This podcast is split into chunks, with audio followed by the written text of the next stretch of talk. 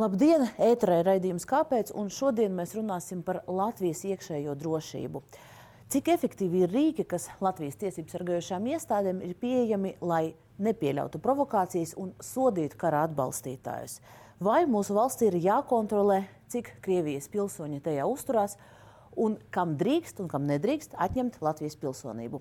Tūlīt diskutēsim, bet sākumā neliels video par to, kādi tad likumprojekti pēdējā laikā ir pieņemti.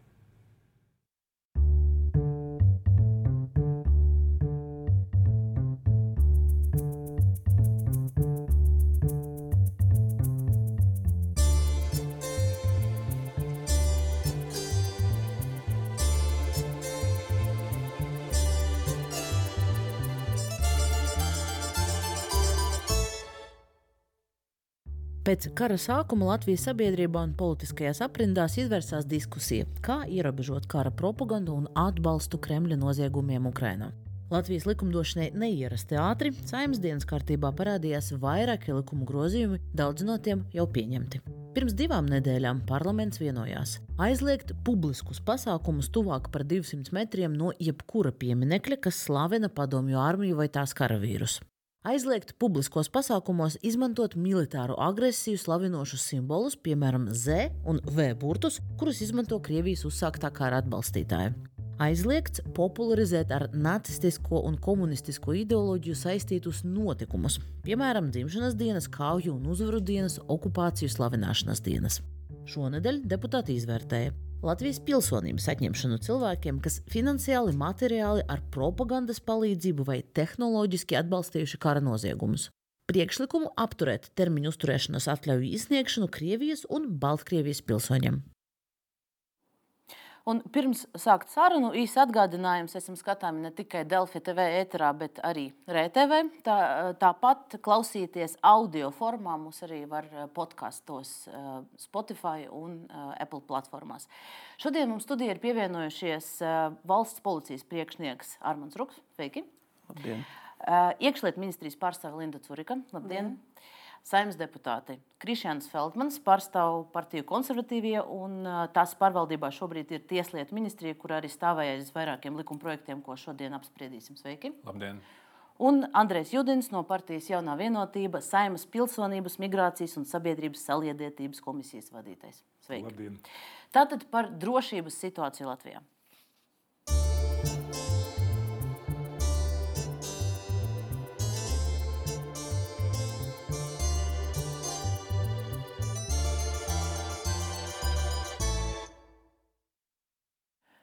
Karstākais jautājums šobrīd, kas notiks 9. maijā Rīgā, arī citās Latvijas pilsētās. Šobrīd, pateicoties grozījumiem, pulcēties pie padomju pieminekļiem nedrīkst. Svinēt šo dienu arī nav atļauts.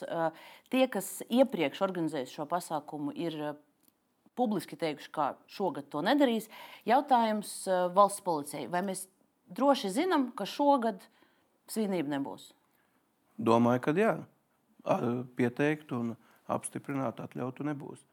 Būs varbūt iespējams kaut kādas individuālas vai individuāla grupu izpausmes. Jūs varat vairāk pastāstīt par tām grupām, kas jums ir zināmas?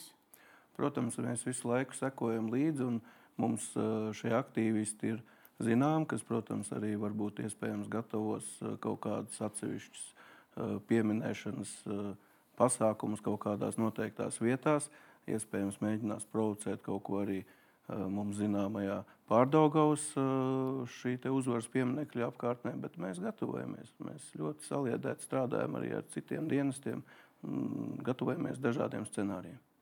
Es gribētu nospēlēt nelielu fragment no saimnes debatēm pirms nedēļas, kad tieši sprieda par aizliegumu pulcēties pie, pie pieminekļa Rīgā un kopumā svinēt 9. maiju. Varam noskatīties īsi. Liels skaits cilvēku, kas šajā vai tādā veidā atzīmēt 9. māju, dara pa, praktiski neiespējamo to pārtraukt ar esošiem kārtības sargu spēkiem. Tas nozīmē, ka, lai uh, aizturētu cilvēkus, kas uh, gribēja šā vai tā atzīmēt 9. māju, nāksies uh, papildināt policiju ar zemes sargu spēkiem, ar armiju. Šajos vārdos, protams, ir zināma provokācija, bet uh, jūs varat izstāstīt vairāk par policijas plānu. Uh, nāks nezinu, grupa pāri, pāri akmens tiltam, būs žoks pie, pie, pie pieminiekļa Pārdaugavā, vai, vai kā tas viss izskatīsies? Nu, plāns pats par sevi ir ierobežots pieejamības, bet katrā ziņā var pateikt, ka tiek modelētas iespējamie, modelēti iespējamie attīstības scenāriji. Attiecīgi vēl gribu iezīmēt, ka dienesti valstī ir jau mobilizējušies tādā ciešā sadarbībā jau krietnu laiku iepriekš, arī pirms Ukraiņas kara sākuma, jau arī kontekstā ar šo robežu Baltkrievijas un Latvijas un visām pārējām lietām, kas ir saistītas ar reģionālo situāciju. Un, uh, tiesība aizsardzības iestādes tik tiešām ļoti cieši strādā kopā arī tā skaitā gan operatīvās darbības subjekti, droši, valsts drošības iestādes, un mēs monitorējam gan atsevišķu organizāciju darbības, gan plānus, gan arī atsevišķu personu. Un, protams, ka šis ir tikai viedoklis. Jāsaprot, arī, jāsaprot arī tas, ka nedrīkst jaukt visu vienā putrā, ko nozīmē svinēšana vai aiziet uh, kapu vietā nolikt ziedus, tā ir īpaša smirnēšana, tā droši vien ir pieminēšana. Ja, un, un to nevienam cilvēkam nedrīkst liet. Vai to, kas vecīti mājās aizdedzina, tā ir svinēšana vai pieminēšana, vai tas, ka divi kungi savācās un lieto kaut ko uh, stiprāku, vai tas ir kaut kas tāds, par ko būtu policijai uh, īpaši jāuztraucās. Es domāju, ka nē. Skaidrs, ka mēs saprotam, ka būs daļa cilvēku, kas nāk, bet arī es gribu šeit atbildēt to, ka uh, ļoti liela sabiedrības daļa izprot Latvijā, arī tie, kas, eh, kam pirmā valoda ir krievu valoda, ka šī, šis gads nav tāds kā citi gadi un ka šeit ir pavisam cita situācija. Bet pats piemineklis būs eh, tie 200 metri ap pieminekli. Ja mēs runājam piemēram par Rīgu, tur būs žoks tajā, tajā, tajā aplokā. Vai... Kā jau es teicu, tā tad. Uh, Pirmkārt, jāparūpējas par satiksmes situāciju visā tajā apkārtnē, par auto novietošanas vai braukšanas iespējām un tam līdzīgi. Kādi, kādi teiksim, tie iespējamie scenāriji būs, es tā ļoti detalizēti negribētu izpausties, bet es vēlreiz saku, ka mēs gatavojamies ļoti rūpīgi un ir arī absolūti pamats tam gatavoties. Un, kas attiecās par tiem 200 metriem, tas ir jāir runiet par tiem, ja būtu pieteikti publiski pasākumi. Bet šeit jau ir vispār noteikts jau ar likumu, ka tā ir sēru diena un nekāda pasākuma vispār nevar notikt. Tātad vispār tur nekāda pasākuma nevar notikt. Tikai individuāli varbūt kāds atnāk ziedus nolikt. To, to viņi drīkstēs darīt. Pie, nu, pie, pie tā, valstī regulējums tādu aizliegumu nav noteicis. Likums to neliedz darīt, protams, bet jautājums, vai cilvēkam vajadzētu izmantot šādu iespēju. Jo skaidrs, ka, ja kāds grib eh, atcerēties, eh, pieminēt savu vecvectēvu, nu, to var darīt eh, dažādos veidos, bet varbūt bez, bez dējām, bez svētkiem. Arī uguņošana ir aizliegta, starp citu. Ja? Tad, ja kāds grib tur ar petārdiem kaut ko darīt, tad jāsaprot, ka notiek karš, un ja cilvēki tad, grib darīt nu, teiksim, kaut ko publiski un uh, apvienojot savus spēkus, tad šogad tādas iespējas nav. Bet man gribētos domāt, ka mūsu valstī dzīvo sapratīgi cilvēki. Viņi saprot, ka tie, kas kaimiņu zeme visu laiku svinēja šos svētkus, tagad uh, slepkavo civiliedzīvotājus. Tad viņi grib solidarizēties un atbalstīt tos, kas tagad uh, uh veids agresiju Ukraiņā. Es pieļauju, ka nē. Un, uh, ir dažādas iespējas, kā atzīmēt šo dienu, bet noteikti ne pie pieminekļa. Ja atļausiet paturpināt, es arī Atlies. gribu uh, iepriekš, uh, ko jau es esmu izteicies, kas ir mēģināts visādi sagrozīt. Šeit ir jāsaprot tas, ka kaimiņu zemes agresors, viņš uh, redzot šo aktivitāti, viņš to pagriezīs, ka tas ir atbalsts viņam. Un vai tiešām tie cilvēki, kas nāks arī nolikt to ziediņu ar tādu domu, ka viņš piemin savu vecstāvu, Viņam ir jāpadomā plašāk, viņam jāsaprot, ka tas tiks parādīts propagandas kanālos, rekā mums Latvijā ir baigais atbalsts. Nu, tā nav, un tas ir cilvēkiem, sabiedrībai Latvijā jāsaprot. Ir kapu vietas, ir piemiņas vietas, tur uzvaras parkā neviens nav apglabāts. Tur neviena tā laika kara kritušā nav. Nu, vismaz oficiāli nav. Vai, vai citas iekšlietu ministrijas struktūras arī gatavojas 9. maijam kaut kādā īpašā veidā? Vai jums ir nu, okay, slepenos plānus? Es gluži nelūkšu at, atklāt, bet uh, gatavošanās. Nē, es domāju, ka ļoti nozīmīga daļa no, no gatavošanās gan 9. maijam, gan arī vispār kopumā skatoties uz to drošības situāciju Latvijā, ir sadarbībai starp dažādiem dienestiem, tā skaitā arī iekšējās struktūrās, gan starp valsts drošības dienestu, gan starp valsts policiju. Un, nu, ministre personīgi katru dienu saņem brīfingus un pieņem dažādus lēmumus tieši lai veidotu šo drošo vidi Latvijā. Un ļoti nozīmīgs faktors ir arī informācijas telpas monitorings. Tad jāskatīties uz to, kādi provokatori ir dažādos sociālajos tīklos, kādi cilvēki aktīvi izplata dažādus Kremļa narratīvus, kuri aicina uz kaut kādām nekārtībām vai provokācijām, vai kas vēlas veicināt ar savu rīcību dažādas provokācijas. Jo tas jau, protams, nav tikai 9. mājas. Mēs tagad dzīvojam diezgan, mēs līdz šim esam dzīvojuši jau diezgan nopietnā informācijas kara situācijā. Un tad, protams, ka tas viss ir daudz spēcīgāks kļūst. Tas nozīmē, ka daudz, eh, daudz vairāk ir jāsadarbojas un arī daudz vairāk ir jāskatās un, un, un arī jārīkojas eh, attiecībā uz dažādām personām, kas, kas izplatīja šo dažādus narratīvus. Bet, bet šo narratīvu uh, izplatīšanu sociālajos tīklos uh, un internetā, cik saprotu, lielākoties tie ir stāsti par to, ka tas, kas Ukrajinā notiek, uh, nesot patiesību un uh, citādi Kremļa tie sagatavotie, uh, sagatavotie vēstījumi. Cik daudz mēs zinām, vai, vai uh, tie vēstījumi, tās ir tiešām sagatavotas provokācijas un kaut kas ieplānots? Uh, un cik daudz no tā ir uh, cilvēku brīvā gribā izteikti viedokļi to proporciju mēs zinām? Mm. Nu, tur ir gan, gan, uh, tur ir gan organizēti, uh, organizēti, tā skaitā arī mākslīgi veidoti sociālo mediju uh, konti, kas izplatīja šo informāciju, un tādi vienmēr ir darbojušies. Valsts drošības dienas rīkojas, lai uh, šie konti tiktu slēgti tajā brīdī, kad tiek atklāts, ka viņi ir mākslīgi veidoti ja, un tad uh, darbojās pretvalstiski. Gan arī, protams, vienmēr būs cilvēki, kuri ir ar kaut kādiem konkrētiem uzskatiem. Tie var būt arī, nu, mēdz runāt par angļu valodā, saka, useful idiots. Ja, Tātad šie te, um, cilvēki, kas varbūt pat neapzinās. Kā, kā interesēs viņi patiesībā darbojas sociālajos tīklos. Tā kā tur ir uh, gan, gan, gan. Jā, es domāju, par, par, par tiem tīkliem organizētiem. Nesen Valsts drošības dienas ir publicējis informāciju par to, ka uzsākti 14 krimināli procesi par uh, Krievijas kara atbalstīšanu Ukrajinā. Viens piemēram, no apcietinātiem bija sociāla tīkla Facebook tematiskas grupas Krimināla Latvija izveidotais un administrators.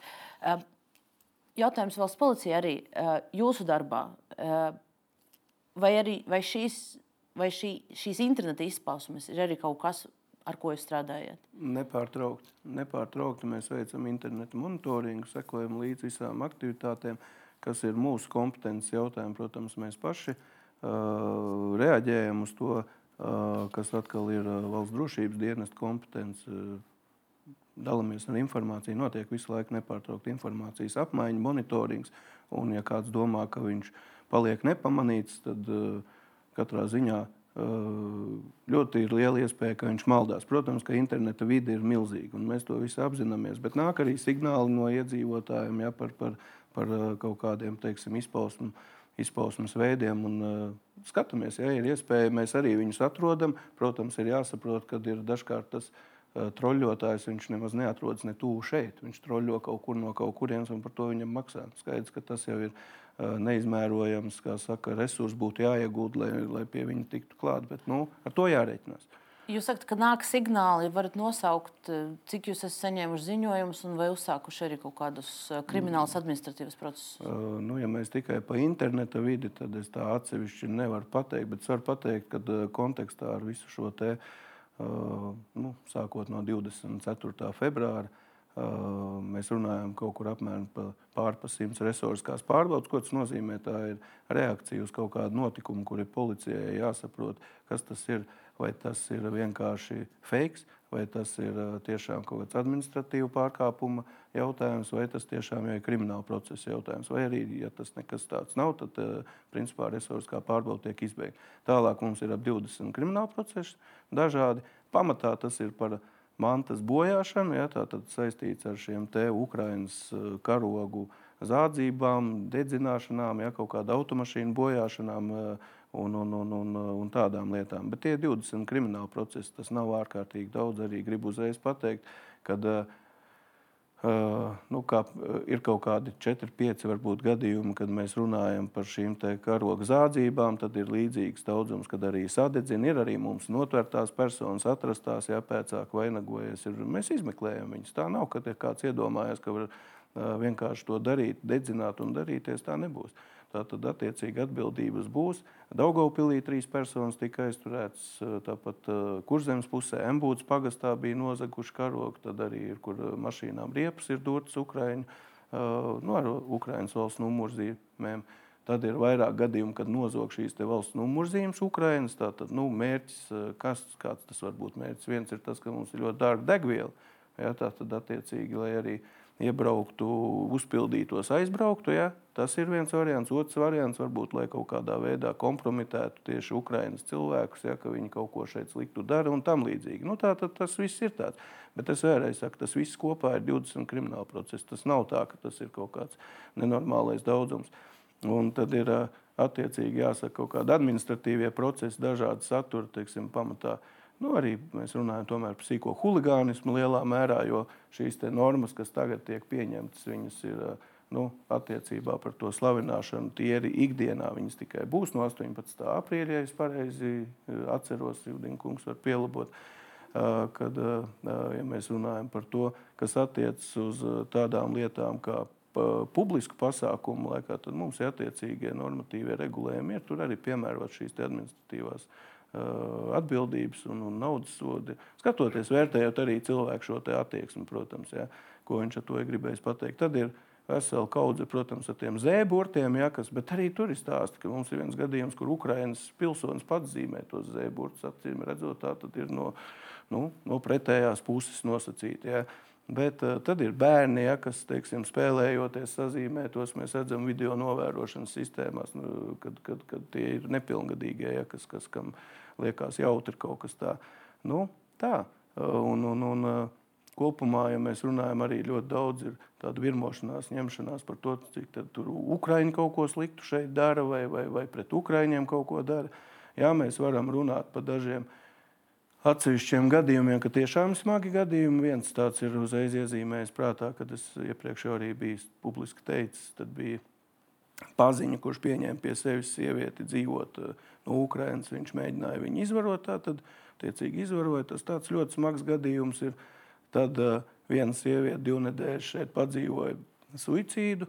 Izdarīja, ja, tā tad uh, pakārās vannas istabā. Nu, tas ir jāsaprot, tie, tās kara traumas. Tas, ir, tas nav tik vienkārši tiem cilvēkiem, arī, kas attiecas vēl par, par, par Ukraiņiem saistītiem gadījumiem. Ja, tad, uh, nu, viena zādzība, divas zādzības. Es atceros, ko ir veikuši jā, tieši Ukraiņas cilvēki. Jā, vien, vienā gadījumā mobilo telefonu vies, viesnīcā nozag, otrā gadījumā veikalā kaut kādu kaut, kaut kādu pārtiku šķiet nozag. Un vienā gadījumā mums ir narkotiku lietošana, kur Ukraiņas vīrietis, Ukraiņas, ja, bet uh, pateikt, ka tas ir kaut kāds masveidā, ja, nu, tad mums sabiedrībā pašiem cik tādu cilvēku ir, kas kaut ko tādu izdara. Un šeit es gribu iezīmēt, ka tikai 15% no visiem šeit iebraucošajiem cilvēkiem ir vīriešu uh, dzimtas. Ja, piedodiet, ka man tā jādala. Pārējie visi ir sievietes un bērni. Pārējie visi ir sievietes un bērni. Un, ja mēs tā salīdzinām ar Latviju, ja, tad uh, nu, kaut vai no kriminālā aspekta, ja, tad 87% visu kriminālu pārkāpumus, viss arī cits izdara. Piedodiet, bet nu, mēs, vīrieši, jā, diemžēl. Jā. Es varbūt uh, varētu papildināt, ka patiesībā visi šie gadījumi arī gūst ļoti lielu rezonanci. Tādēļ, ka, protams, ka sabiedrībā ļoti sakāpināts emocijas, cilvēki ir dusmīgi un izmisuši. Un tādēļ viens šis zēburs, kas kaut kur purcēmā ir uzzīmēts, viņš kā, kā kūlas ugunsgrēks, ja, izplatās sociālajos tīklos un, un veicina, protams, šīs dusmas, nesaskaņas, arī tā skaitā nu, tādu agresiju un, um, un neparāda patiesībā nu, to reālo situāciju, bet rada sajūtu, ka nu, tagad zēburti ir visur sazīmēti. Un, uh, viens tāds piemērs mēs bijām Daugaupīlī, uh, un tur man stāstīja par piemēru, ka izplatījās viltu ziņa, ka Ukrāņi esot aizgājuši uz restorānu, pēduši un nav samaksājuši. Ļoti ātri tika atklāts, uh, vietējā avīze atklāja, ka tas tā, tas tā nav bijis, uh, izplatīja atspēkojumu, bet nestoties to visās vietās, kur mēs bijām, runāt ar iedzīvotājiem, mums šo gadījumu stāstīja. Tas nozīmē, ka patiesībā tas ir tas, ko mēs zinām par viltu ziņām, ka viņas izplatās daudz ātrāk nekā atspēkojumi. Un uh, bieži vien nu, iedzīvotāji, protams, tam palīdz. Nu, vēl tāda pārkāpuma, ko ja drīkst papildināt, nu, ir kaut kāda 3-4 gadījuma alkohols pie stūres, bet mēs paši nedēļas laikā noķeram pie sevis arī mūsu dzērāju šoferis. Ja? Tad ir jāsaka, ka tiešām nav nekādu tādu sāsinājumu, ko arī mēs uztveram. Nu, bija informācija, braukā Ukraiņa kaut kāda vīrieša mašīna pa jūrmalu, auguros, ja tur pa, pa privātu māju rajonu. Pārbaudījām, noskaidrojām. Viņi sarunājuši sev tādu gadījumu darbu, sētu remontēt kaut kādu. Cilvēki cenšas nopelnīt kaut ko, meklē kaut kādas iespējas ja, piepildīt. Mēs, diemžēl, to informāciju uztveram selektīvi. Es tieši pilnīgi piekrītu, ka arī tagad, pasakot, ka ir divi gadījumi nozagts mobilais, oh, nu tad tomēr tie, tas notiek. Es domāju, ka Tādi gadījumi ir un būs, bet ir jāsaprot, ka īpaši izcelt, pievērst uzmanību nav pamata. Un tāpat ar to 9. māju atgriežoties. Tātad, nu, daži var apgalvot, ka tūkstošiem krievvalodīgu cilvēku gribēs pie pieminiekļa 9. mājā kaut ko darīt, bet tā nebūs. Jo lielākā sabiedrības daļa, pat ja viņi tieši tādu uzskata, ka Viena puse laba, otra puse laba. Nu, viņi neplāno un neplānos tieši tādā piedalīties, aktīvi rīkoties. Bet man gribētos atkārtot ļoti svarīgu domu, ko tieši Ruka kungs teica. Tad ir jāsaprot, ir provokātori un viņi mēģinās kaut ko darīt. Bet ir iespēja arī kādam citam cilvēkam nostrādāt nu, tā, tā saucamo noderīgo idiotu. Tad, proti, viņu nofilmēs pie tā pieminiekļa un tad pasniegs, ka redziet, te ir cilvēki, kas atbalsta uh, spēc operāciju un civiliedzīvotāju nogalināšanu. Nu, to otro daļu viņi neteiks, jā, tad, bet es tieši domāju, ka saprātīgi cilvēki, nu padomājiet, vai jums vajadzētu tā slavas tā sekundi tieši Krievijas kanālos, vai jums vajadzētu būt par Krievijas agresijas atbalstītājiem. Tad, tad nevajag šādā veidā eh, rīkoties 9. māja pie pieminiekļa, nav ko darīt. Es, uh to 9. māju. Pirmkārt, ir ļoti labi, ka saima, saima diezgan vienbalsīgi ir pieņēmusi visu šo regulējumu, par ko mēs šodien varam apspriest. Kā par tādu nu, saimnes izdarīto darbu. Un te man jāsaka, ka arī citu, polici, par policijas darbību, nu, kā deputāts, neesmu saņēmis ka būtu piemēram kaut kāda nepietiekama aktivitāte vai kaut, kas, kaut, kaut, kaut kam netika pievērsta uzmanība. Tādā ziņā tas ir nu, pat patīkami, ka lietas reāli strādā. Bet saimnes deputāti, protams, ka vērtē tieši šo, ka pieņem lēmumus, tā skaitā par 9. māju. Viens ir aspekts, nu, režīmu slavināšana, ko katrs subjekts var īstenot. Bet otra, otrs ļoti būtisks faktors bija tieši šī informācijas kara teiksim, komponente.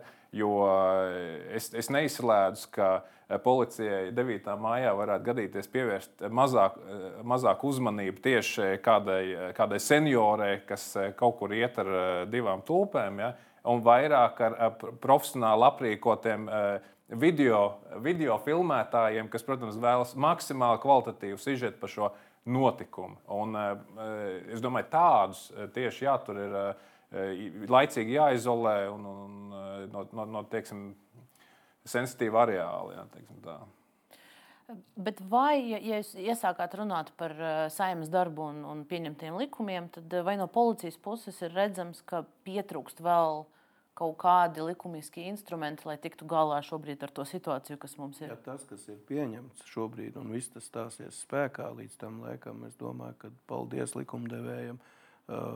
Pilnīgi ir pietiekoši. Jāsaprot vienkārši tiešām, ka nu, viss jau ir pašos cilvēkos. Mēs paši veidojam savu valsti un mēs paši veidojam savu kārtību savā valstī.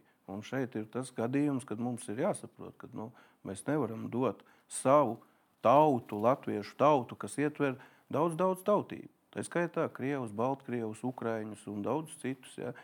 Tauta nedrīkst kļūt par krievu propagandas ieroci. Nu, tas ir vienkārši jāsaprot. Ja drusciņi domā kāds cilvēks līdzi tiem procesiem, nu, tad viņam ir jāsaprot jaunam vai vecam.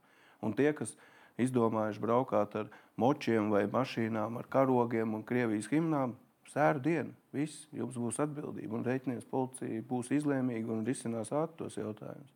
Es gribu tikai atgādināt, mēs pieņemam jaunu regulējumu, kas paredz administratīvo atbildību. Mums ir viens likums, kas aizliedz to simboliku, tā simbolikas izmantošanu. Speciālais likums eh, ar lielāku atbildību, ja ir izklaides pasākumi, būs arī pikētos. Bet man gribētos atgādināt arī, arī par vēl vienu pantu, par vēl vienu normu. Krimināla likuma jau sen ir pants, kas paredz atbildību par agresijas attaisnošanu. Un policijas pārstāvji, krimināla tiesību politikas apakškomisijas stāstīja par uzsāktiem procesiem. Tātad tie, kas ļoti emocionāli teiksim, aizstāv, mēģina kaut kādus argumentus viltīgus piesaukt un rīkojas veids citas darbības, jau ir krimināla atbildība. Maksimālais sots - brīvības atņemšana uz laiku līdz pieciem gadiem. Tie, kas vienkārši staigā ar burtiem kaut kādiem un tā paklusu, tad atba mēģina atbalstīt administratīva atbildība. Bet galvenais cilvēkam ir jāsaprot, ka visi tie panti nav izdomāti vienkārši, lai kādam sarežģītu dzīvi. Nedrīkst, neviens normāls cilvēks nedrīkst atbalstīt civilu iedzīvotāju slepkavības.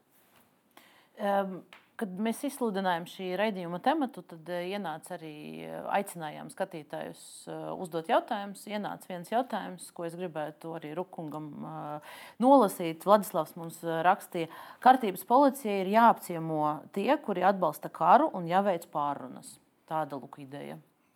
Neslēpšu no sabiedrības, kad visā šajā periodā, līdzīgi kā tas ir varbūt ar ikdienas darbu, arī pirms tam Policija, veicot savus pamatu uzdevumus, vienmēr pievērš uzmanību radikalizācijas pazīmēm, šajā gadījumā kara slavināšanas, nozieguma attaisnošanas pazīmēm. Un šīs, eh, ko Judīna kungs arī minēja, krimināla atbildības jautājums, tas ir, protams, droši, valsts drošības dienesta kompetencē izmeklēšana, bet tik tiešām mēs cieši sadarbojamies, mēs reaģējam, nododam informāciju, arī aizturam personas.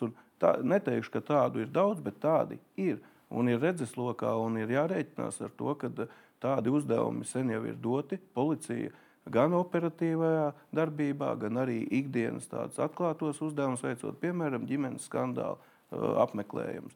Ja redzēs, ka tur būs, ticiet man, informācija tiks nodota tur, kur vajag. Man viena piebilde, es atceros, nesen mēs runājam par nelegālu saturu. Ir cilvēki, kas izmanto tur trikaloru kaut kādas kastes. Un mēs arī nu, ir labot likumi, kas aizliedz uh, izmantošanu. Bet kas ir būtiski? Kad mums bija diskusija, bija tieši uzsvērts, ka jā, sodi mums ir. Bet primārais ir profilaks. Un policijas pārstāvis stāstīja, ka nu, nemēģinās viņu tur paņemt un sodu piemērot. Pirmā lieta - sarunā. Es ceru, ka tie vārdi izskanēja, un tā arī ir. Tad, tad nevajadzētu demonizēt policiju, kas tikai soda. Nav tāds mērķis.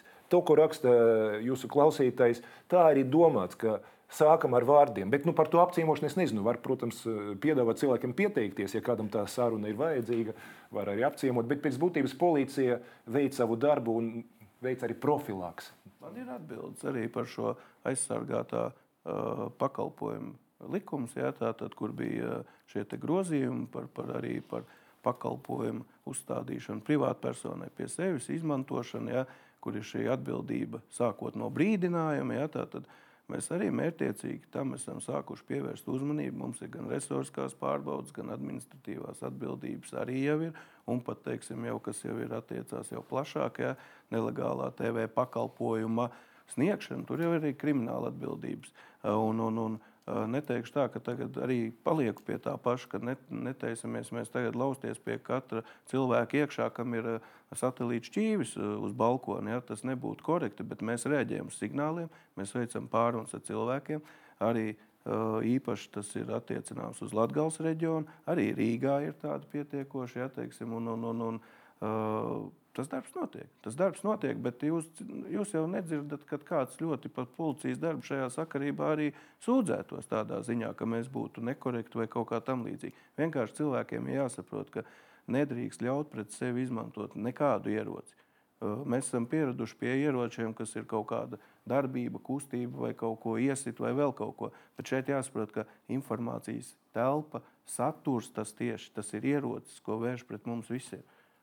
Un tas ir jāsaprot katram arī vecāka gada gājuma cilvēkam. Tad es, es saprotu, ka tieši šie, šie grozījumi bija tādi, par kuriem bija diskusija, ka tagad eh, policija lauzīsies tur mājās iekšā un atņems tās eh, dekoderu kastes. Tas bija, starp citu, kāpēc Mm, tā diskusija jau ilgāku laiku, starp citu, notika, bet šobrīd mēs, protams, šajos apstākļos ļoti ātri tika pieņemts lēmums. Es saprotu, ja, piemēram, brauc policija uz ģimenes e, potenciālu strīdu, viņi jau arī redz, e, vai gadījumā nav Krievijas karoks pie sienas e, paklāja vietā un, un, un vai tieši kaut kas tāds. Tieši jā. tā, un šie riska informācijas tiek arī nodotas, un, un attiecīgi vēl jau vairākas var pateikt arī Mēs vēl vērojam arī citās teiksim, policijas, kas ir kontrolas sfērā, tie paši uh, ieroču atļaujas un viss pārējais. Mēs ļoti vērtējam, kam ir šīs ieroču atļaujas, padziļināti pētam šobrīd visu šo situāciju. Ar to jārēķinās. Tas ir tāds laiks. Eh, nākamais temats, ko mēs gribējām apspriest, un arī pieteicām, arī saistīts ar iekšēju drošību, ir uh, pilsonības ideja. Likuma priekšlikums atņemt pilsonību, Lat Latvijas pilsonību tiem, kas atbalsta karu Ukrajinā. Bet pirms runāt par to, man Rukungam ir viens. Nu, mazliet nesaistīts jautājums, bet nu, tomēr tas arī skar uh, informatīvo telpu. Tagad pēdējās dienās ir aktīvi izvērsusies diskusija par uh, Eh, tādu Alekseju Rosļakovu, bijušo, eh, bijušo Rīgas domnieku, bijušo saskanieti. Eh, ekrānos var redzēt vienu no viņa izteikumiem, kur uz jautājumu par to, vai Baltijas valsts gadījumā neatgriežas zem Krievijas pārna, viņš atbild ar to, ka tas tā esot sarežģīta situācija. Arī daudzi citi izteikumi un nepatiesību izplatīšana no viņa puses ir manīta, bet nu, kāpēc es to prasu? Viņš šobrīd uh, pārstāv vienu no policistu arotbiedrībām. Tas kopumā ir trīs, bet nu, vienu no tām viņš pārstāv. Vai jums ir rīki šobrīd, kā cīnīties ar šo aspektu? Runājot par konkrēto arotbiedrību, Lapa, laikam, pareizi saucās, ja tā tad, kur Sūnas kungs ir prezidents un Rosļikovs kungs ir viceprezidents. Uh, nu, arotbiedrība ir arotbiedrība likums. Judina kungs noteikti var arī palīdzēt un izstāstīt, ka ir noteikta kārtība, kā notiek sadarbība teiksim, nozarēs, jomās ar savām arotbiedrībām. Ja. Šeit varu pateikt, ka ar Sūnas kungu komunikācija ir pietiekoši korekta un viss ir kārtībā. Ar Oslikovu kungam ir nodoti sveicieni, nu, nosaukšu to tā, ja tā tad attiecīgi. Nē, nu, nejauciet policiju iekšā ar atsevišķas personas kaut kādiem izteikumiem. Būs saturs, būs arī Roslikovu kungam jāatbild, nu, tā kā arī visiem citiem pārējiem. Vienkārši viņš gan, es cik zinu, ir paudis, ka nē, viņš tā to nav domājis un tam līdzīgi, ja atsevišķos gadījumos kaut ko izpaužoties, bet tas ir viņa ziņā. Skaidrs, ka viņš ir personība, pietiekoši pazīstama sabiedrībā, kur arī uh, Covid ierobežojumu laikā izpaudās dažādi. Ja, un, un, nu, tas, kā lai saka, policija reaģēs arī uz teiksim, konkrētās personas kaut kādiem mm, atsevišķiem izteicieniem vai izgājieniem, ja tur būs saturs pietiekoši. Bet panākt to, lai viņš nav saistīts ar arotbiedrību. Nu, nu, ar arotbiedrību viņš ir saistīts. Politi panākt to, to mēs nevaram. Tas nav nevarat. policijas uh, biznesa, atvainojos, tas ir arotbiedrības iekšēja lieta. Uh, Tātad tur ir noteikti tā iekšējā kaut kāda balsošana vai kaut kas tamlīdzīgs. Viņš var būt arī kāda dzīvokļu īpašnieku biedrības tad, nu, cilvēks. Un tad, ko tas nozīmē? Ka, nu, lai tie, kas strādā šajā, nu, vispār, kurus apvieno, lai viņi padomātu, vai viņi grib asociēties, tas ir viens jautājums. Bet par viņu pašu tie izteikumi varbūt nav valsts policijas kompetences jautājums. Tie ir drīzāk drošības dienesta jautājums. Bet, policija nedrīkst eh, likt, teiksim, izslēgt arotbiedrību kādu vai ierobežot. Tad te ir noteikti.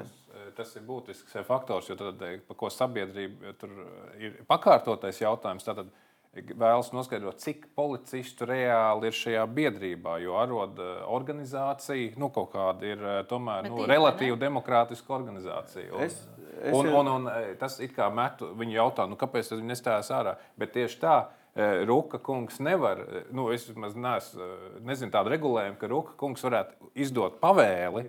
Tad jūs izstājaties no šīs arotbiedrības.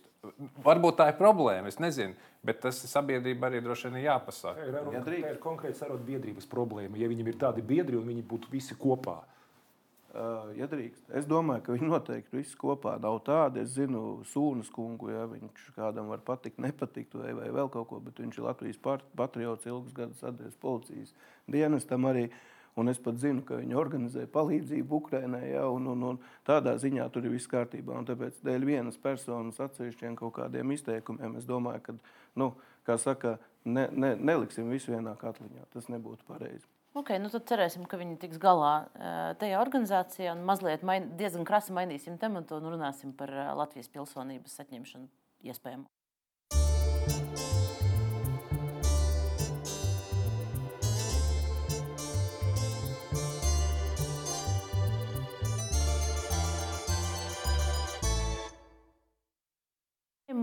saima, joprojām izskata likuma projektu par Latvijas pilsonības atņemšanu tiem cilvēkiem, kas atbalsta, nozīmīgi atbalsta karu Ukrajinā.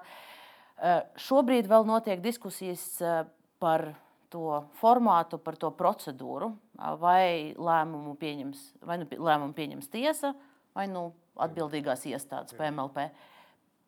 Varbūt deputāti var skaidrot, kāpēc šis ir svarīgs aspekts. Un, un, es, es varu par to kāds vēsturiskais ieskats. Jā, jā, tad, es, es varbūt skatītājiem atgādināšu, ka jūs pārstāvat tā simboliski Tieslietu ministriju, kas virza šo likumprojektu. Jā. E, nu, Mēs jau pirms raidījuma savstarpēji runājot, noskaidrojām, ka simboliem ir samērā būtiska nozīme, īpaši kara apstākļos. Un cilvēki arī sagaida dažādus, dažreiz simboliskus soļus, lai tie tiktu spērti. Un bija jau pirms kāda laika parādījās informācija par to, ka Avenkungs, kas ir naturalizējies Latvijā, tur ne... viņš ir latviešu piešķirts. Viņš ir, respektīvi, viņam nebija jābūt pat naturalizācijai. Bet caur latviešu šo acīm redzot, asinis. No, no, varēja būt vienlaikus. Jā, bet nu, tā tad persona iekļuva sankciju sarakstā, un tad parādījās jautājums, kā tā var būt, ka cilvēks, kurš faktiski sēž blakus Putinam, ir visticamāk arī, es pats neesmu redzējis, bet varbūt ir arī Krievijas pilsonis. Un, Eh, viņš ir pierādījis arī Latvijas pilsonis un tā tālāk. Nu, eh, tad parādījās problēma, ka nav īsti skaidra procedūra, kā šādos gadījumos eh, rīkoties. Ir, ir parametri, pēc kuriem var um, vērtējot šos kaut kādus faktus, iespējams, kaut kādu melošana pirms tam kaut kādā pilsonības saņemšanas procesā vai tam līdzīgi. Šo pilsonību atņemt. Bet tā procedūra nebija skaidra, un tādēļ nu, arī radās ideja arī koalīcijā, tā skaitā, ka valdībā, ka Tieslietu ministrija varētu piepalīdzēt iekšlietu ministrijai un izstrādāt regulējumu. Un tā ir tā priekšvēsture. Un tad, protams, ir sekojis saimnes darbs, un kopumā ir atbalsts samērā universāls šim regulējumam. Uh, ir atbildīgā komisija strādājusi, bet es saprotu, ka uz pirmo lasījumu modificēja sākotnējo piedāvājumu, uz ko saņēma. Bet tas ir atbalstīts saimā, tā kā process iet uz virsmu. Lik, eh, likums, starp citu, steidzams, atzīts par steidzamu. Eh, bet tika saņemta arī saņemts vē, vismaz viena vēstule, zinu, varbūt vairākas par to, ka tai procedūrai jābūt tādai, lai viņi varētu arī nu, maksimāli eh, realistiski un saprātīgi, dinamiski arī eh, piemērot. Un tādēļ vakar arī lūdzām, eh, lūdzām tomēr noteikti priekšlikumu iesniegšanas termiņu otriem galīgajam lasījumam, lai vēl būtu iespējams uzlabot, uzlabot šo pirmā lasījuma piedāvājumu. Bet nu, tas galvenais strīds ir atņems PMLP pilsonību vai atņems tiesa. Tieslietu ministri uzskata, ka, ja ies caur tiesu, tad Tas ir pārāk tas, tas, nav, tas nav tikai uzskatu jautājums. Ir arī, kā jau teicu, ir eh, saņemta arī vēstule no augstākās tiesas priekšsēdētāja par šo eh, procesu un uh, labāko procesu iespējamo. Un tā nu, neņemt vērā uh, tos argumentus būtu varbūt ne, netik saprātīgi. Es domāju, ka šeit uh, galvenā doma un svarīga doma, ka pēc divām nedēļām saimnieks pieņems grozījumu, saskaņā ar kuru cilvēkam, kuram ir dubultpilsonība, ja viņi veiks, nu, atbilst tādiem, tādiem kritērijiem, ja, tad viņam būs iespēja atņemt pilsonību. Kā tas notiks? Mans pieņēmums, ka būs tieši tas, ka bija sakotnēji paredzēts, ka PMLP pieņems lēmumu. Un, uh, Tiesa būs iespēja pārsūdzēt. Ja, tad, un e, komisija mums bija dažādi viedokļi. Es arī, arī es teicu, ka vai nebūtu labāk un pareizāk, lai tiesa pieņemtu šo lēmumu, jo tas ir svarīgs. Bet tas ir tehniska rakstura jautājums. Okay. Te ir juristu strīdi. Par būtību. Tad. Bet par būtību runājot, tad, tad man nav šaubu, ka pēc divām nedēļām mēs pieņemsim galīgajā lasījumā. Un ir taisnība, ka tā visa diskusijas sākuma bija viens konkrēts cilvēks Avenekungs. Ja, un, un, eh, es teikšu, atklāti, nu, bija domā pieņemt atsevišķu likumu par vienu atsevišķu cilvēku. Būtībā es jau veicu darbību, lai tādu likumu projektu sagatavotu, jo nu, tāda iespēja juridiski bija. Bet mēs pazīstam, mēs saprotam, ka ir viens cilvēks, ja, bet varbūt arī vairāki citi. Tāpēc labāk veidot vispārīgu regulējumu. Un, ja būs cits cilvēks ar citu uzvārdu, bet rīcība būs līdzīga, šo normu būs iespēja piemērot. Un e, saistībā ar šo jautājumu man vēl viena piebilde. Vairāki cilvēki man jautā, nu, bet tas ir tikai tiem, kam ir dubulta pilsonība. Jā, Latvija ir tiesiska un demokrātiska valsts, un mums ir starptautiskas saistības. Mēs nedrīkstam atņemt pilsonību tam cilvēkam, kuras citas pilsonības nav. Pat ja viņš nav lojāls, mēs nedrīkstam tā rīkoties. Jo daži cilvēki saka, nu, gribam arī būt mums vēl viens saraksts. To bet, nedrīkst darīt. Bet ir arī juristi, kas jums oponē, jo uh, pirms šī raidījuma mēs uh, uztaisījām nelielu interviju ar starptautisko tiesību ekspertu Ievu Miljonu. Un, lūk, mēs varam noklausīties tieši viņus teikto par to, kam var atņemt pilsonību šāda pārkāpuma gadījumā.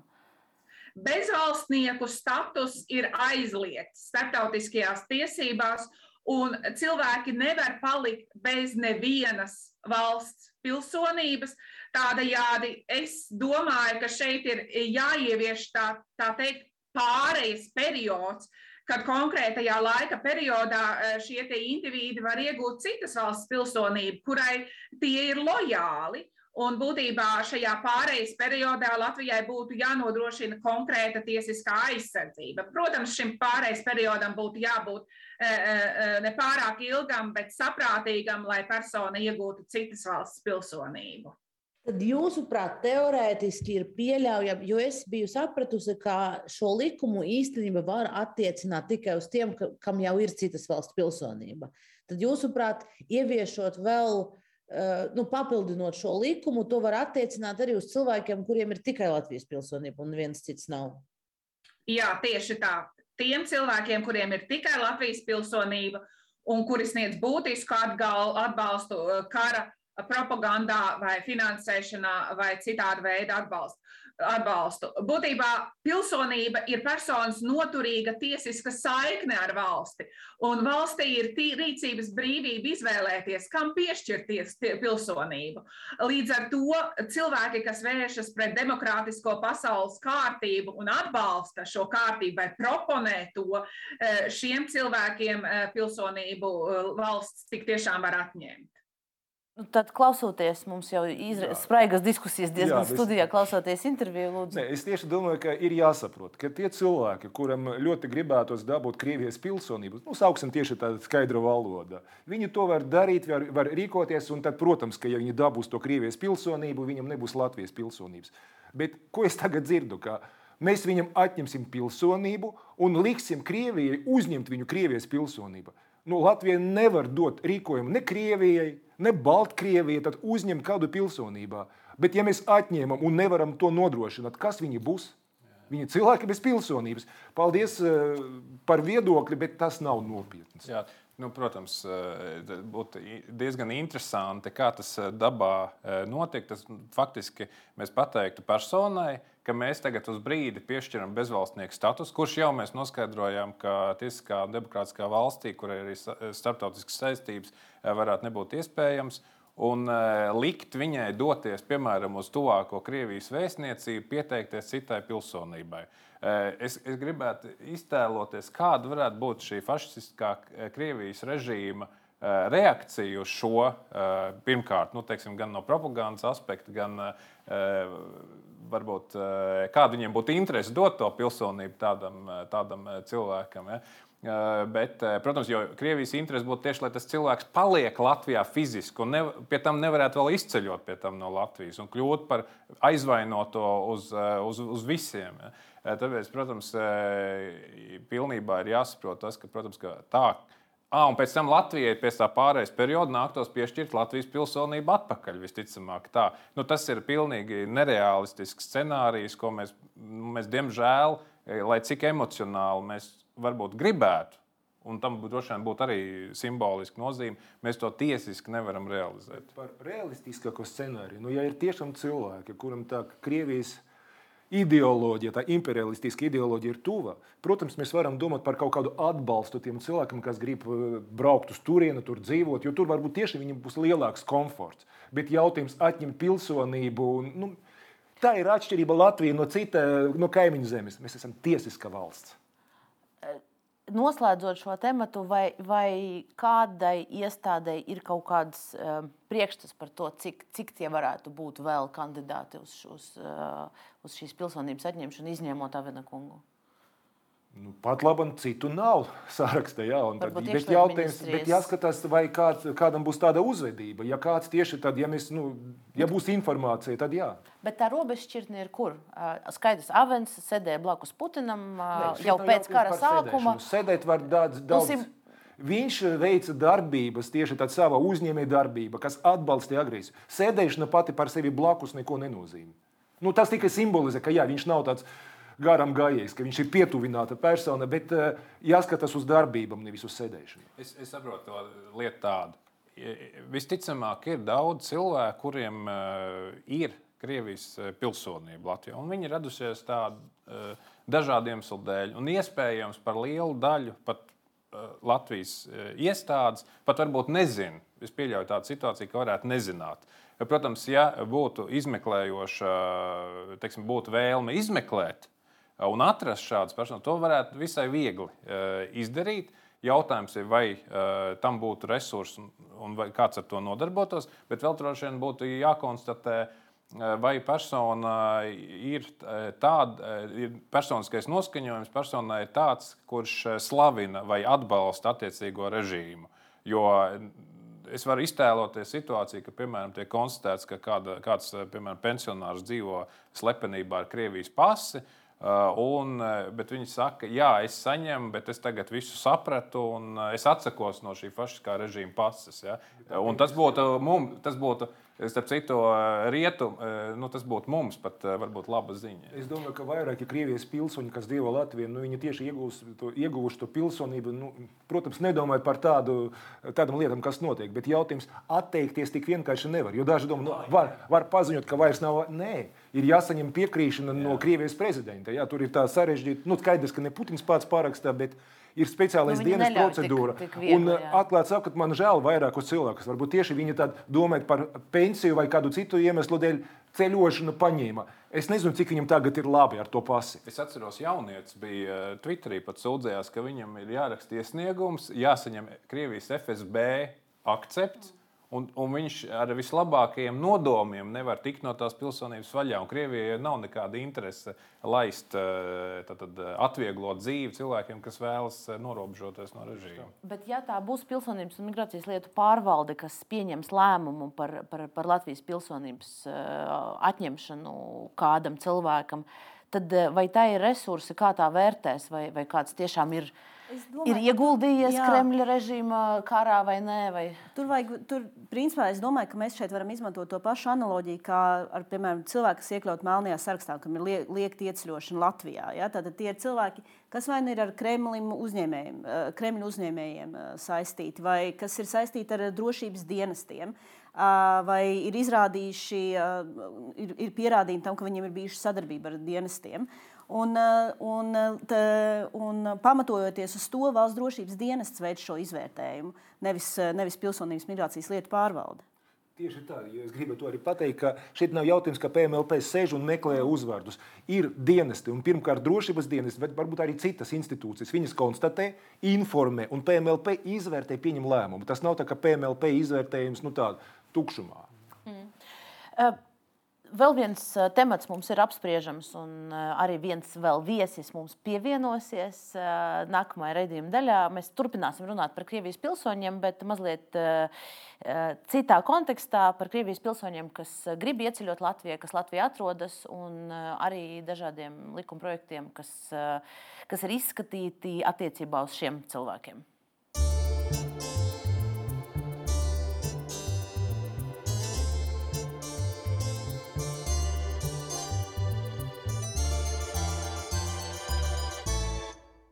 Pat labi, derīgas uzturēšanas atļaujas Latvijā ir 50 tūkstošiem Krievijas pilsoņu. Gandrīz 40 tūkstošiem uzturēšanas atļaujas ir pastāvīgas, bet vēl 10 tūkstošiem terminētas. No tām aptuveni puse iegūta iegādājoties nekustamos īpašumus. Tiesa dokumenta esamība nenozīmē, ka šie 50 tūkstoši arī fiziski atrodas Latvijā. Kopš ceturtdienas jaunu atļauju izsniegšana Krievijas un Baltkrievijas pilsoņiem ir apturēta. Šogad Krievijas pilsoņiem izsniegta 881 vīza, pērn visa gada laikā vairāk nekā 3200. Sakoties karam Ukrainā, vīzas Krievijas pilsoņiem izsniedz tikai humānu apsvērumu dēļ. Kopš 24. februāra Krievijas žurnālistiem, sabiedriskiem un kultūras darbiniekiem un viņu ģimenes locekļiem, kas pakļauti vajāšanas riskam Latvijā, izsniedza 161 vīzu. Tāpat vīzas izdotas gadījumos, ja nepieciešams nodrošināt radinieku aprūpi. Kopš kara sākuma caur ārējo Latvijas robežu ieceļojuši 12,000 Krievijas pilsoņu un 18,000 Ukrainas pilsoņu. Taču nav zināms, cik no šiem cilvēkiem arī palikuši Latvijā un cik ceļojuši tālāk. Mums ir pievienojusies Krievijas pilsone, biedrības jaunie latviešu locekle Anna Gabunie. Sveiki! Sveiki. Un mēs runāsim par idejām un jau šobrīd jau konceptuāli atbalstīt to priekšlikumu, neizsniegt vairāk uh, termiņu uzturēšanas atļaujas uh, Krievijas pilsoņiem pirmreizējais. Uh, Anna, uh, jūsu viedoklis, atba vai jūs atbalstat šo ideju?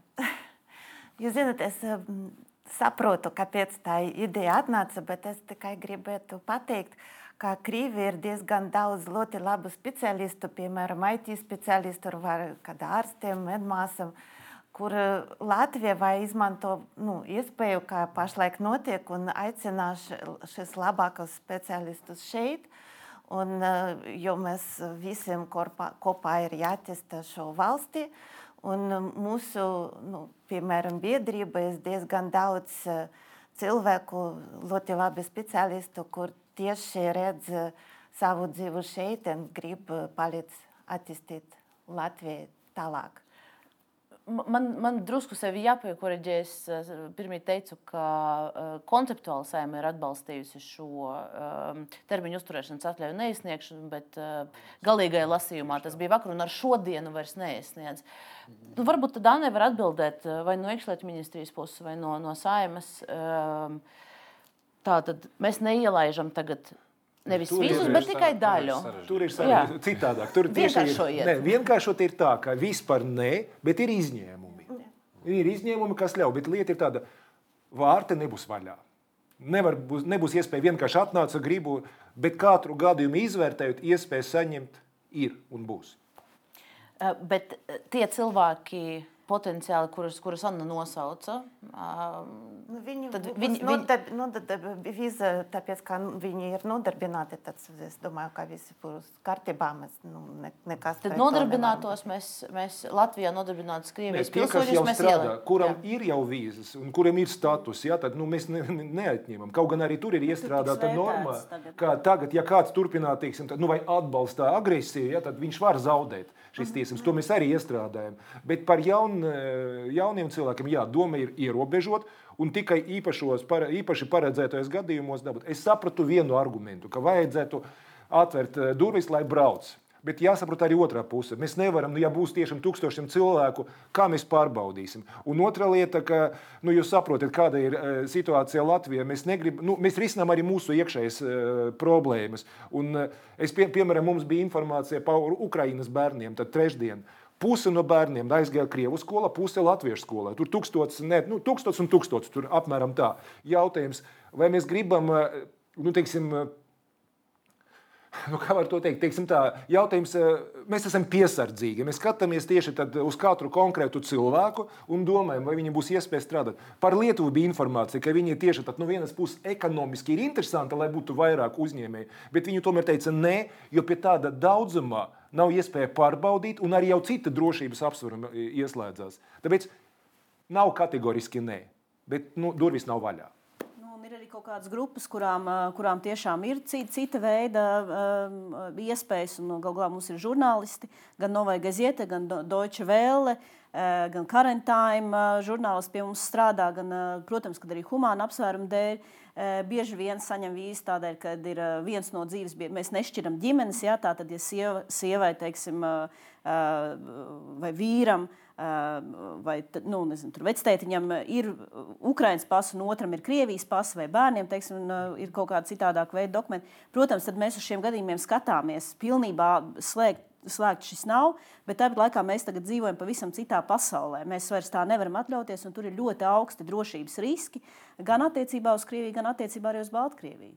Jautājums, vai, vai uh tagad tā, tā vērtēšana no vien valsts drošības dienesta, nezinu, vai, vai arī policija, jebkādā veidā tur ir iesaistīta, to cilvēku, kas piesakās termiņu uzturēšanas atļaujam, vai arī to cilvēku, kas piesakās pastāvīgam uzturēšanas atļaujam, vai, tur, vai, vai kaut kādā veidā arī turpina termiņu uzturēšanas atļaujas jau, jau izsniegtas pagarina termiņus, vai, vai mums pietiek resursu, lai visus šos cilvēkus tā pastiprināti šobrīd pārbaudītu. Nu, arī līdz šim termiņu uzturēšanās atļaujas vienkārši tāpat nebi, netika dāļātas pa labi un pa kreisi. Uh, vienmēr tika veikts drošības riska izvērtējums. Un, uh, protams, ka šobrīd ir pavisam cita situācija, un arī kaut kādā, kaut kādā ziņā mēs varam runāt par cita veida riskiem, kas saistībā ar šīm personām varētu būt radušās. Tiešām strādājot kopā, piemēram, palīdzot Krievijas vai Baltkrievijas spēcdienestiem. Uh, Līdz ar to pašlaik resurss ir pietiekams un, un, un, un šis tiek vērtēts.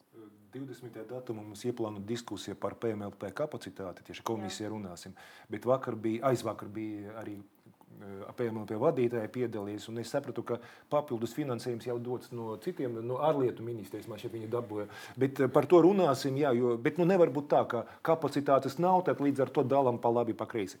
Un vēl viena svarīga, manuprāt, piezīme. Es domāju, ka kāds varētu, es, es pārtraukšu, kāds varētu pateikt, kapacitātes nav, un tāpēc nedalām vispār nevienam. Nē, nē, tu, bet tur tagad viena nianse, ka vispār mēs ne, nu, nedodam tā termiņu uzturēšanas atļaujas un tad vīzas, bet jautājums ir kāds, ka tas, kas piesakas, viņam jānorāda norāda kritērijus. Nu, agrāk bija nu, plašākas iespējas. Tagad viņš tieši raksta, ka man te ir sieva, līdz ar to es lūdzu man dot. Nu, vairs nevar rakstīt tā, ka nu, Latvija ir skaista zeme, jā, un tad gribu šeit biznesu un vēl kaut kāds kritērijs. Tad ir jāmeklē pamatojums, jābūt pamatojumam. Bet tie cilvēki, kas ir um, saņēmuši šī termiņa uzturēšanas atļaujas, pamatojoties uz to, ka viņi Latvijā ir nopirkuši īpašumu, piemēram, vai ieguldījuši kaut kādā uzņēmumā, tās augtās zelta vīzas. Uh, viņi var turpināt pagarināt savu uzturēšanās atļauju. Tas ir vērtēts ļoti stingri. Un, un, bet, nu, teorētiski var. Bet jautājums, vai, vai kāpēc? Jo teorētiski viņi var arī tikt atmest tāpat kā tie, kuri no jauna piesakās. Jāskatās, ko viņi dara šeit, kā viņi dzīvo. Un, ja viņi tieši tādā stāv un atbalsta agresiju, nu, tad ko viņam šeit darīt? Viņi nav Latvijas pilsoņi ir mūsu pilsoņi, par viņiem mēs atbildam. Jā, un, tā, un šeit tieši mēs nu, nevaram viņam atņemt pilsonību. Bet, ja cilvēkam ir cita pase un viņš nerespektē demokrātijas vērtības, nu, tad jādomā par citu dzīves vietu. Nu, tad šajā gadījumā, proti, eh, ja iepriekš eh, valstī bija tikai jāpārliecinās, ka viņiem joprojām ir šis īpašums, vai viņi joprojām iegulda uzņēmumā, tagad mēs arī vērtējam, kādi viņi ir vai viņi ir jebkādā veidā mums draudzīgi. Vai... Šeit nav tā, ka viņam jāpierāda kaut kas, bet te drīzāk uz otro pusi. Ja ir signāli, ka viņš atļaujas atbalstīt, runāt, dara kādas citas darbības, tad jā. Nu, nav tā, ka viņam ar izziņu jāatnāc lojāls. Putina ienaidnieks un kaut kāds zīmogs. Nu, tā, tas nav prasīts. Jā, lūdzu. arī gribu pateikt, ka arī iepriekš nebija tā, ka šīs zelta vīzes dalīja pa kreisi, pa labi tikai tāpēc, ka kādam ir līdzekļi kaut ko iegādāties. Tāpat eh, es domāju, ka dienesti rūpīgi pārbaudīja. Esmu pārliecināts par to. Anne, varbūt ir komentārs. Tagad uzklausot, nu, kā, es, kā tas izskatīsies es, dzīvē. Es, kompletli, oh, es pilnībā piekrītu, ko, ko jūs teicat, un kā, kāpēc jūs to lēmumu ņemam. Mēs, nu, mūsu sabiedrībā arī to ļoti labi saprast. Un es gribu pateikt, ka nu, nu, mūsu biedrība tur gan cilvēki, kur šeit dzīvo, dzīvo jo viņiem ir nodarbinātība vīza, un arī tie, kuriem bija šī zelta vīza, piemēram, mūsu ģimene bija zelta vīza, bet pašlaik mēs šeit strādājam. Un, nu, es domāju, ka daļa no tiem cilvēkiem, kur šeit ar šo zelta vīzi, nu, tas nebija nekāda Putina nezinu, pa, pa, Putina, atba, atbalstītāja. Jā, mēs, piemēram, meklējam pēc, pēc Krīma, kas notiek Krīma, mēs meklējam kādu jebkuru iespēju braukt prom no Krīvijas, un tas nu, bija šo iespēju, un mēs to izmantojam nu, sešas gadus atpakaļ. Un mūsu sabiedrība, kur, mūsu biedrība, kur pašlaik ļoti atbilst Latviju un Ukrainu, tur ir varbūt nu, puse, kuram ir šis zelta vīza. Šeit ir stāsts par mūsu sabiedrību. Es domāju, ka skaidrs, ka mēs uztveram nu, to informāciju, cilvēks ar Krievijas pasi ļoti specifiski, bet ir jāsaprot, ka tur tiešām ir pretinieki Putina režīmam. Un principā protestēt Pleskava ir, ir sarežģītāk nekā Rīgā. Un es domāju, ka mums vajadzētu analizēt katru konkrētu gadījumu. Kā jau pašā sākumā teicu, nevar būt tā, ka robeža ir eh, brīvi šķērsojama. Jā, tā nebūs. Bet no otras puses, ja ir cilvēki, kas eh, dara visu iespējamo pret eh, to Putina režīmu, teikt viņam, nē, nē, nē, lai viņš tur tā dzīvot pie sava Putina, arī nav pareizi. Tāpēc individuāli skatīsimies katru gadījumu. Man būs garāk. Es varu pēc tam vēl pakomentēt. Mēs, mēs, mēs tūlīt beigsim raidījumu, tāpēc, ja jums ir kas sakāms, tad ļoti īsi teikt, ka tāpēc jau arī bija garāks diskusijas par šo jautājumu, nevis bija tika cirsts, jo sākumā bija piedāvājums. Uh, viens parādījās, ka viss ir jācērt. Ja, un, un, un, un varbūt tajā brīdī vēl nesaprata, kādēļ ir šī diskusija. Tieši tāpēc, lai, lai Latvijai lojāli e, cilvēki arī it kā ar šīm zelta vīzām varētu palikt Latvijā. Nu, uz, uz šī nots mums arī šobrīd ir uh, jāatvadās no skatītājiem. Tātad uh, par zelta, zelta vīzām un uzturēšanas atļaujām robeža vārti nav vaļā, bet tomēr kādu ielaidīsim un vērtēsim. Tāds ir tas secinājums, cik es sapratu. Un, uh, paldies viesiem par diskusiju. Daudz jautājumu šodien apspriedām dažādus tematus. Un paldies arī skatītājiem. Pirmdien Delfi TV atgriezīsies atkal ēterā. Runāsim par notiekošo frontes līniju Ukrajinā, bet šobrīd paldies visiem vēlreiz un tiekamies pēc nedēļas.